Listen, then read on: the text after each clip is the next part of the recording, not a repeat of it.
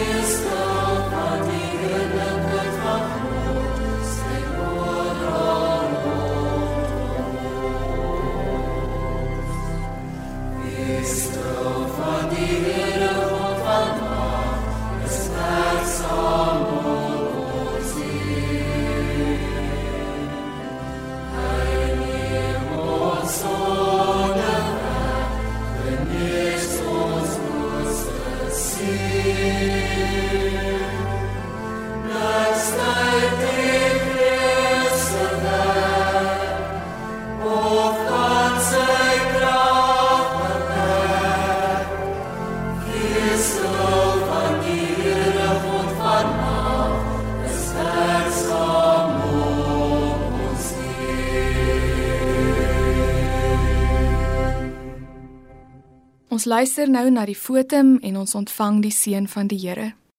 Spreek Heer in die stilte. Spreek nou deur u Gees. Laat ons in ons harte stil, ontvanklik wees. Heer, u kinders luister, raak ons harte aan.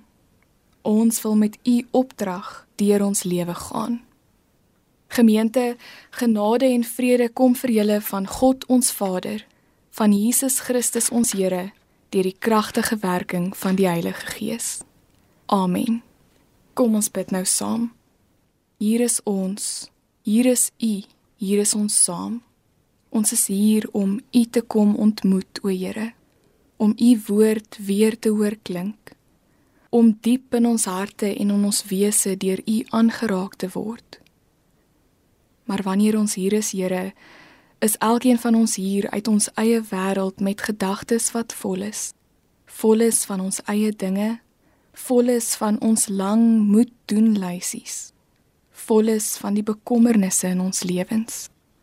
Here, U weet, ons dra dit so met ons saam dat hierdie warboel in ons gedagtes en ons harte al so deel geword het van wie ons is dat ons al sukkel om af te skakel en stil te word, ook stil te word aan u voete. Maar Here, U ken dit alles. U weet wat aan ons binnekant is. En daarom kan ons ook weet dat ons veilig in U hande is en dat ons vir hierdie paar oomblikke alles wat ons gedagtes volmaak op sy kan skuif en ons aandag net op U kan wees. O Here, ons bid, Help dat dit nie net nou en hier gebeur nie, maar dat dit ook die nuwe ritme in ons lewens kan word. Dat ons die stil word wat ons hier en nou beleef, ook kan deurtrek na ons lewens toe. Uit die gejaagde wêreld kom ons nou saam en ons bid, Here, maak ons nou stil. Ons wil na U luister. Ons wil ons hart vir U oopmaak dat U ons kan aanraak.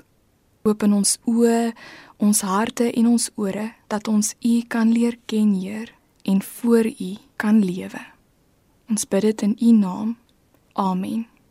So gebeur dit eendag met my dat ek op die besige N1 in 'n verkeersknoop vassit. 'n Verkeersverslag oor die radio sê toe dat daar 'n paar kilometer vorentoe 'n vragmotor omgeslaan het en dat dit waarskynlik 'n geruime tyd sou neem om op te ry. Wat dinge toe nog erger maak, was die flikkerende liggie op my paneelbord wat my waarsku dat my brandstof baie naby aan op is. Maar daar sit ek, vasgekeer in hierdie stopry, stopry, stopry situasie met geen manier om vinnig van die snelweg af te kom nie en die vooruitsig om sonder brandstof te gaan staan word skielik 'n vreesaanjaende moontlikheid. Ek is seker baie van ons het dit al beleef. Maar gelukkig het my storie 'n goeie einde gehad en die brandstof het net net gehou tot ek die volgende afrit kon neem en die naaste vulstasie kon bereik. Terwyl my kar volgemaak word, het ek net daar en dan myself voorgenem om nooit weer in dieselfde situasie te beland nie en dat ek voor ek enige reis aanpak sal seker maak dat ek beslis genoeg brandstof het ook vir die onverwagse verkeersknope van my reis. Nou ek weet dit klink logies, maar dit het 'n senitergende ervaring gekos om dit by my tuis te bring. Maar hoe meer ek daaroor dink, hoe meer het ek besef dat hierdie ervaring eintlik as 'n goeie gelykenis dien. Want ook op die snelweg van die lewe is daar tye wat ons die gevaar loop om sonder brandstof te gaan staan.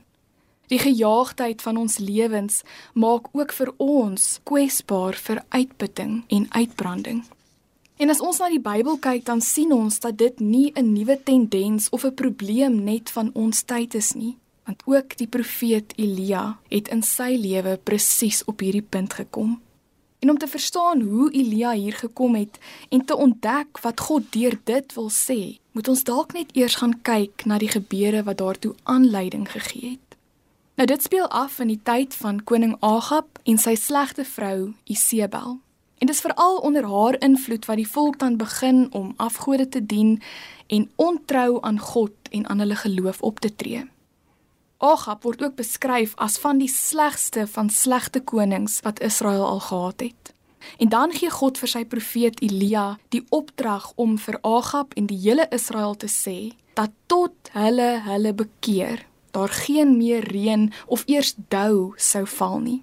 En daardie verskriklike droogte duur dan meer as 3 jaar lank. Dit alles loop uit op Elia se konfrontasie met die Baalprofete op Karmelberg. Daar roep Elia die hele volk bymekaar en sê dat hulle net daar en dan moet besluit vir wie hulle gaan dien, vir Baal of vir God. En die toets sou wees watter een van die gode reageer as daar tot hom gebid word. Nou ons ken die verhaal, Die profete van Baal het gebid en gebid dat Baal hulle offer moet laat brand. Maar hoe en hoe lank hulle ook al gebid het, niks het gebeur nie. Toe kom Elia na vore, hy bid 'n een eenvoudige gebed en God stuur 'n vuur uit die hemel wat nie net die offer nie, maar sommer die hele altaar verbrand. Die volk het op hulle knieë neergeval, God aanbid, die Baalprofete is doodgemaak en die reën het gekom. Dis 'n voelvlug oor die hele verhaal. Nou dit was 'n reuse oorwinning vir Elia en ten spyte van die feit dat dit waarskynlik vir hom nogal 'n spanningsvolle en 'n dreinerende tyd was, was hy nou op 'n geestelike hoog. Maar Isebel was nog nie klaar met hom nie. As sy hoor van haar gode se profete wat doodgemaak is, laat weet sy vir Elia in 1 Konings 19 vers 2 Mag die gode my om die lewe bring as ek nie môre teen hierdie tyd met jou gemaak het soos jy met die profete nie. En Elia weet dat sy ernstig is en hy vlug die woestyn in. Later los hy self sy slaaf agter, wat die teken was dat hy sy roeping as profeet opgee. Hy besluit hy is klaar met die spanning en klaar met die gesukkel. En 'n dag die woestyn in, gaan lê hy in totale uitputting en depressie onder 'n eilbossie. En soos hy wens dat hy eerder dood is, roep hy dit uit. Nou is dit genoeg, Here. Neem my lewe, want ek is niks beter as my voorvaders nie. Dit lees ons in 1 Konings 19 vers 4. En ook wanneer ons uitgebrand en neerslagtig is, gebeur dit maklik dat ook ons perspektief verloor. Negatiewe gedagtes en emosies begin ons lewe oorheers en ons raak blind vir die positiewe wat daar wel in ons lewens is. En dis waar Elia nou is maar God los hom nie daar nie. Daar waar hy onder die besembos in sy ellende aan die slaap geraak het, maak 'n engel hom twee maal wakker en hy gee hom twee maal iets om te eet om sy kragte op te kry, want anders sou die pad wat vir hom voorlê te lank geword het. Dan lees ons nou verder van vers 8 af. Deur die krag van die kos kon hy 40 dae en 40 nagte lank loop tot by Horeb die berg van God. Hy het in 'n grot ingegaan en die nag daar deurgebring. Toe die woord van die Here tot hom gekom en vir hom gesê: "Wat maak jy hier, Elia?" Hy antwoord toe: "Ek het met my hart en siel gewy aan U saak, Here Almagtige God. Die Israeliete het die verbond met U verbreek. Hulle het U altare afgebreek en U profete doodgemaak net ek alleen het oorgebly en hulle soek my om my ook om die lewe te bring. Maar die Here sê vir hom: "Kom uit en gaan staan op die berg voor my, die Here. Ek wil verbygaan." Skielik was daar 'n baie sterk wind wat die berg stikkend geruk en die rotse gebreek het voor die Here. Maar in die wind was die Here nie. Na die wind was daar 'n aardbewing, maar in die aardbewing was die Here nie. Na die aardbewing was daar 'n vuur, maar in die vuur was die Here nie. En na die vuur was daar 'n fluistering in die windstilte. Toe Elia dit hoor, het hy sy gesig met sy mantel toegemaak en by die bek van die grot gaan staan. Toe hoor hy 'n stem wat vir hom sê, en hoor mooi, dis die tweede keer wat dit gesê word. Wat maak jy hier, Elia? En hy het geantwoord: Ek het my hele hart en siel gewy aan U saak, Here Almagtige God. Die Israeliete het die verbond met U verbreek. Hulle het U altare afgebreek en profete doodgemaak. Net ek het oorgebly. En hulle soek my om my ook om die lewe te bring. Maar die Here sê vir hom: Draai in jou spore om na die Damaskus woestyn toe. En as jy daar aangekom het, moet jy vir Gasael salf tot koning van Aram. Jy moet ook vir jou seun van Nimsi salf tot koning van Israel. En vir Elisa, seun van Safat uit Abel Megola, moet jy salf tot profeet om jou op te volg. Ons lees net tot sover. Elia is totaal uitgebrand. Vir 3 jaar lank moes hy vir sy lewe vlug en dan is dit die konfrontasie op Karmel. En net soos wat hy gedink het dis verby, die oorwinning is bereik, dan begin hierdie dreinerende proses van vlug en skuil weer van vooraf. Elia is gedaan in elke deel van sy menswees. Hy ly aan wat ons vandag fisiese en geestelike uitbranding sal noem. Nou ons ken hierdie gevoelens goed ook ons hardloop teen so 'n hoë spoed met soveel spanning en stres dat dit later voel of ons net nie meer kan nie. Ook ons liggame se brandstofliggie flikker en flikker, maar dis asof ons nooit by die punt kom om die tank vol te maak om te kan aangaan nie. Nou die flikkerende waarskuwingsliggies in ons lewe is dinge soos slaaploosheid, eetversteurings, gereelde hoofpynne, 'n kroniese moegheid waarvoor slaap net nie help nie, maagpyn, woedeuitbarstings, selfbejammering. En soos Elia verloor ons ook perspektief en raak ons uitpas met die positiewe. Sien jy van hierdie brandstofliggies in jou lewe flikker? Iemand het eendag opgemerk: "Voor jy kan leer om te bestuur, selfs voor jy eers kan leer om die kar aan te sluit, moet jy leer hoe om die kar te stop." En dieselfde beginsel is ook in ons lewens van toepassing. Soos Elia in die teks, moet ons leer om te stop, om tot stilstand te kom en weer perspektief te kry. Nie die perspektief van 'n mens nie, maar die van God. En God se perspektief kom in die verhaal deur 'n vraag van God aan die woord. Wat maak jy hier, Elia? Hierdie vraag word twee maal gevra. En die eerste keer bied hierdie deernisvolle vraag vir Elia die geleentheid om met die alwetende God, wat dit alles eintlik reeds weet, te deel en te verwoord hoe hy daar gekom het wat alles gebeur het en wat aanleiding gegee het tot die gemoedstoestand wat hy beleef. Elias se antwoord spreek dan so van menslike perspektief of eerder perspektiefloosheid. Here, sê hy, wat gebeur het is verskriklik. Die volk het hulle rug op U gedraai, die verbond verbreek, die altare afgebreek en U profete doodgemaak. Dis nou net ek, net ek wat my lewe aan U wy. Dis net ek wat oorgebly het. En nou is ek in lewensgevaar. Elia se weergawe van wat gebeur het, spreek van perspektiefloosheid, want hy mis die positiewe wat wel gebeur het. Hy mis dat die volk onder sy leiding tot bekering gekom het, dat die teenstanders uitgewis is, en hy mis die nuwe hoop dat die volk nou getrou sou wees. Ja, daar is wel 'n bedreiging, Maar waar Elia homself in sy lewe bevind, maak dit hy niks anders as die bedreiging raak sien nie. Dit klink vir ons nogal bekend. Maar na God hom dan in simpatie aangehoor het, los God hom nie daar nie. God nooi vir Elia om uit die grot te gaan sodat God verby kan stap, want hy wil vir hom iets wys, iets leer. En dan is daar drie tekens wat vir mense in daardie tyd die bewyse was dat God daar was en dat hy magtige dinge kan doen wat ons verstand ver te bowe gaan.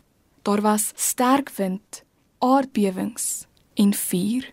Maar in al hierdie tekens kry Elia uiteindelik nie vir God nie. Hy kry nie vir God in die sterk wind wat die klippe stukkend breek of in die aardbewing of in die vuur nie maar dan is daar 'n sagte fluistering in die windstilte. 'n Fluistering wat jy so maklik in jou gejaag kan mis.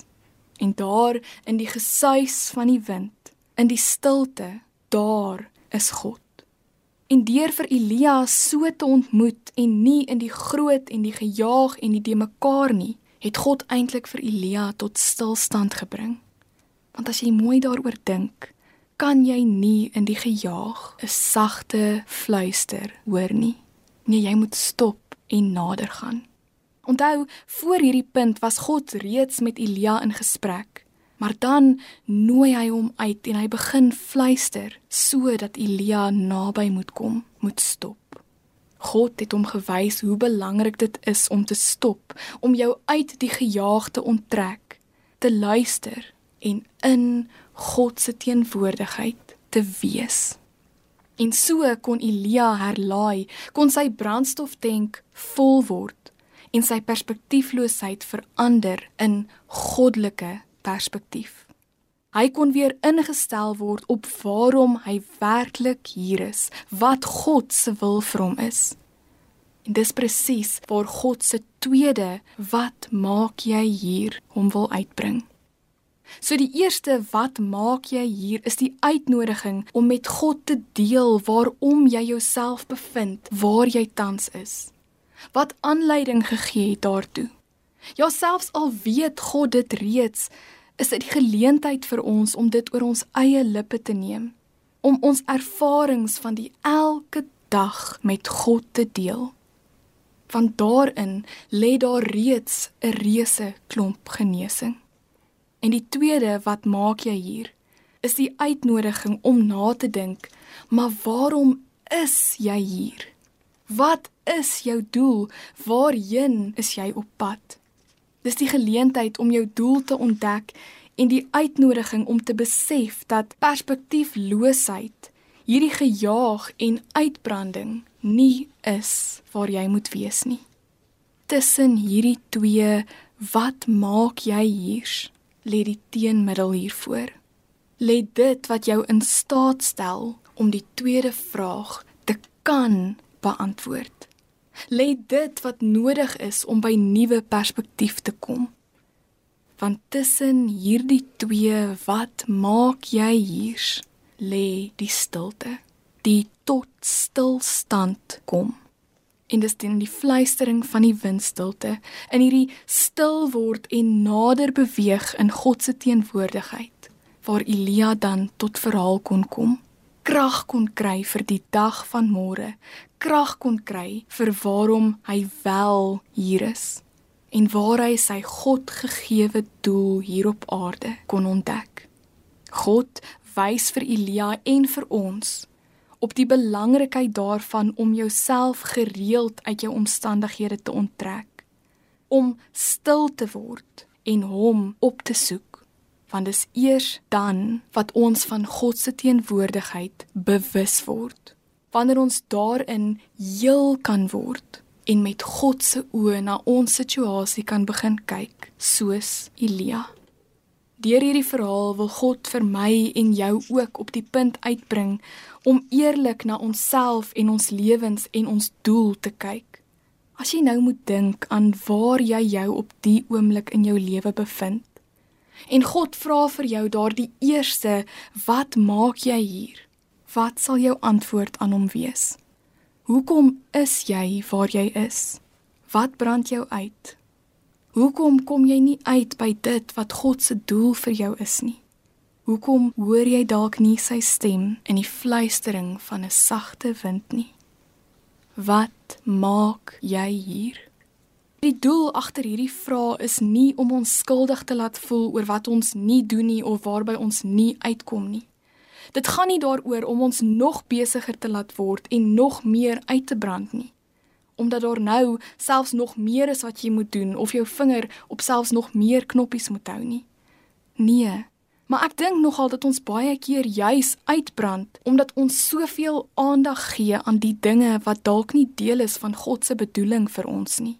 Ons energie vloei na ander plekke toe, na dinge wat ons dreineer en ons beleef nooit werklik die vrede en die vreugde daarvan om besig te wees met dit waarvoor God ons gemaak het nie. Dit kan ons so maklik laat voel of ons onvervulde lewens leef. En ek besef daar is dinge wat moet gebeur. Ons moet werk. Ons moet soms tyd spandeer aan dinge wat ons dreineer. En daarom is die bedoeling nie om te sê dat ons dit alles net moet los nie. Maar dit beteken om soms wel te sê, "Wow, Nou stop hierdie resies waar God se teenwoordigheid so hard moet skreeu dat ek dit net in die wind en in die aardbewing en in die vuur kan hoor. Want die realiteit is as God nie so met ons praat nie, dan hoor ons hom soms bloot nie, want ons hardloop net te veel. En daar is net soveel geraas hier in ons koppe en ons harte en in ons lewens maar baie keer hoor en vind ons nie vir God in daardie gejaag nie. Die bedoeling is eerder om genoeg tot stilstand te kom dat jy wel in staat is om hom te ervaar en om hom te hoor in die fluistering van die windstilte. Dat jy kan hoor hoe hy ook vir jou wil vra: Wat maak jy hier? Eerstens as die uitnodiging om te deel wat jou tot hier gebring het, wat in jou lewe aan die gebeur is en dan vrede te kan ervaar na jy dit voor God blootgelê het. En dan in en vanuit daardie vrede te kan ontdek dat jy dalk nodig het om met 'n nuwe perspektief, om met God se perspektief na jou lewe te kyk. En dis presies hier waar die tweede wat maak jy hier ter sprake kom. Want dis eers as jy lank genoeg stil geword het dat jy jou lewe in oënskou kan neem en kan begin verstaan wat God wil hê jy moet doen. Ja, dalk wil God hê jy moet heelwat minder doen as wat jy nou doen, of dalk selfs heelwat meer. Dalk wil God jou lei om in jou lewe en in jou beroep op ander dinge, 'n ander rigting te fokus as wat jy nou doen. Maar dan die vraag: Hoe hoor ons God in ons lewens praat? Soms in die vorm van 'n duidelike gedagte, 'n gedagte met 'n baie spesifieke gevoel. Want gedagtes wat van God afkom, moedig ons aan om dinge in liefde te doen. Dit lei ons in die rigting van 'n meer kreatiewe lewe. Dit nooi ons om beter na onsself te kyk. God het hierdie stilte en stil word tye geskep om vir ons die geleentheid te gee om ons energie te hernie, om ons emosionele en geestelike reserves aan te vul, om te ontspan, jou gedagtes bymekaar te kry en innerlik kalm te word, vrede te beleef. Dit is amper onmoontlik om diep na te dink oor ons lewens as ons die heeltyd teen topsnelheid voortbeweeg want voordat ons dit besef, is ons outomaties besig om van een aktiwiteit na die ander voort te beweeg sonder om eers tweemaal te dink. Daarom stel om te stop ons in staat om ook 'n duideliker prentjie te kry van die destruktiewe patrone in ons lewens wat ons verby ons Godgegewe perke dryf. Dit stel ons in staat om die keuse te maak om op 'n gesonder, lewegewende manier te leef. Dis waartoe God vir Elia met sy fluistering in die windstilte wou lei en dis waarheen hy ook vir my en jou wil bring. Want in die gejaagdheid van hierdie lewe het ons nodig om tot stilstand te kom en stil te word. En ja, dit kan dalk voel soos nog 'n ding op jou moet doen lysie. Nog iets wat jy nie weet waar jy daarvoor gaan tyd kry nie. Maar ek waarborg jou, as jy tog eers tyd maak om stil te word en jou gejaag met God te deel en te hoor wat hy vir jou wil sê, sal jy anders daarna kan kyk. Sal jy krag kan kry daarvoor. Sal jy soos Elia in jou unieke omstandighede kan gaan leef soos God wil hê jy moet. God wil van môre, maar ook elke dag van jou lewe tweemaal vir jou vra. Wat maak jy hier? Die eerste keer sodat jy met hom kan deel hoe jy gekom het waar jy nou is. Wat in jou lewe aan die gebeur is. En die tweede maal dat jy sy doel vir jou kan ontdek. Maar tussen dit lê die stilte. So mag jy die kuns leer van om te stop en om stil te word by die fluistering in die windstilte. Amen. Geliefdes, ons gaan nou saam bid en ons gebed gaan uit twee dele bestaan. As die eerste deel van ons gebed sing ons as dit ware God se woorde, sy uitnodiging vir ons om by hom te kom stil raak uit Lied 519 en daarna doen ons presies dit met ons gesamentlike gebed. Here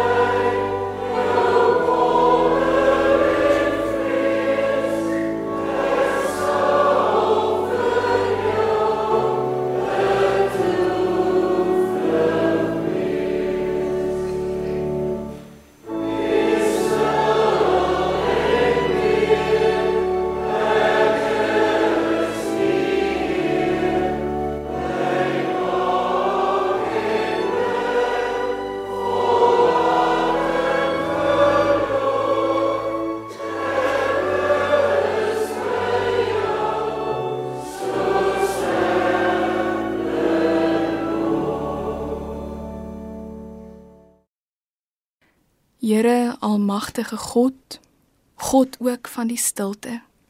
Vanoggend kon ons U met ons hoor praat.